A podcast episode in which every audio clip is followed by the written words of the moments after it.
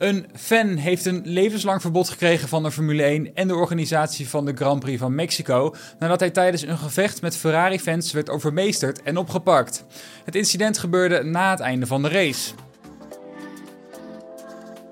Op beelden op social media is te zien hoe een fan zich niet meer kon inhouden nadat hij zag dat Charles Leclerc op P3 was geëindigd.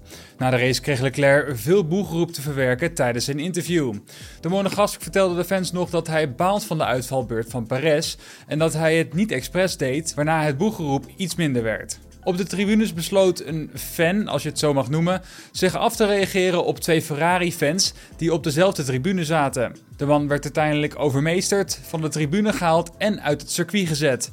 Hij zou een levenslanger verbod hebben gekregen, al is het niet helemaal duidelijk of het alleen om de Grand Prix van Mexico of om alle races in F1 gaat. De race van Sergio Perez eindigde zondag al vroeg in tranen nadat de Mexicaan iets te vroeg instuurde op Charles Leclerc en uiteindelijk een DNF achter zijn naam kreeg.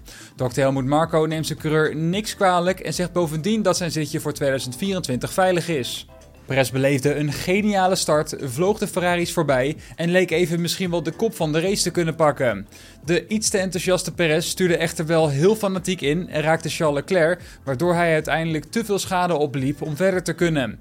Marco neemt het Perez niet kwalijk. Het was gewoon pech, een raceongeluk. Hij had een goede start en moest er wel voor gaan. Hij reed het hele weekend erg goed totdat hij het raceongeluk had. Zo vertelt hij tegenover Fox Sports Mexico. Hij moet nu zeker één of twee races voor Hamilton eindigen om zijn tweede positie te redden.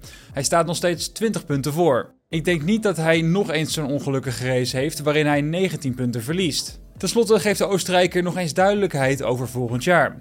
We hebben een contract met hem en alles is duidelijk tot en met 2024. Aldus Helmut Marko. Lewis Hamilton was de man die zondag als tweede over de streep kwam. Een mooie prestatie in een lastig weekend voor Mercedes.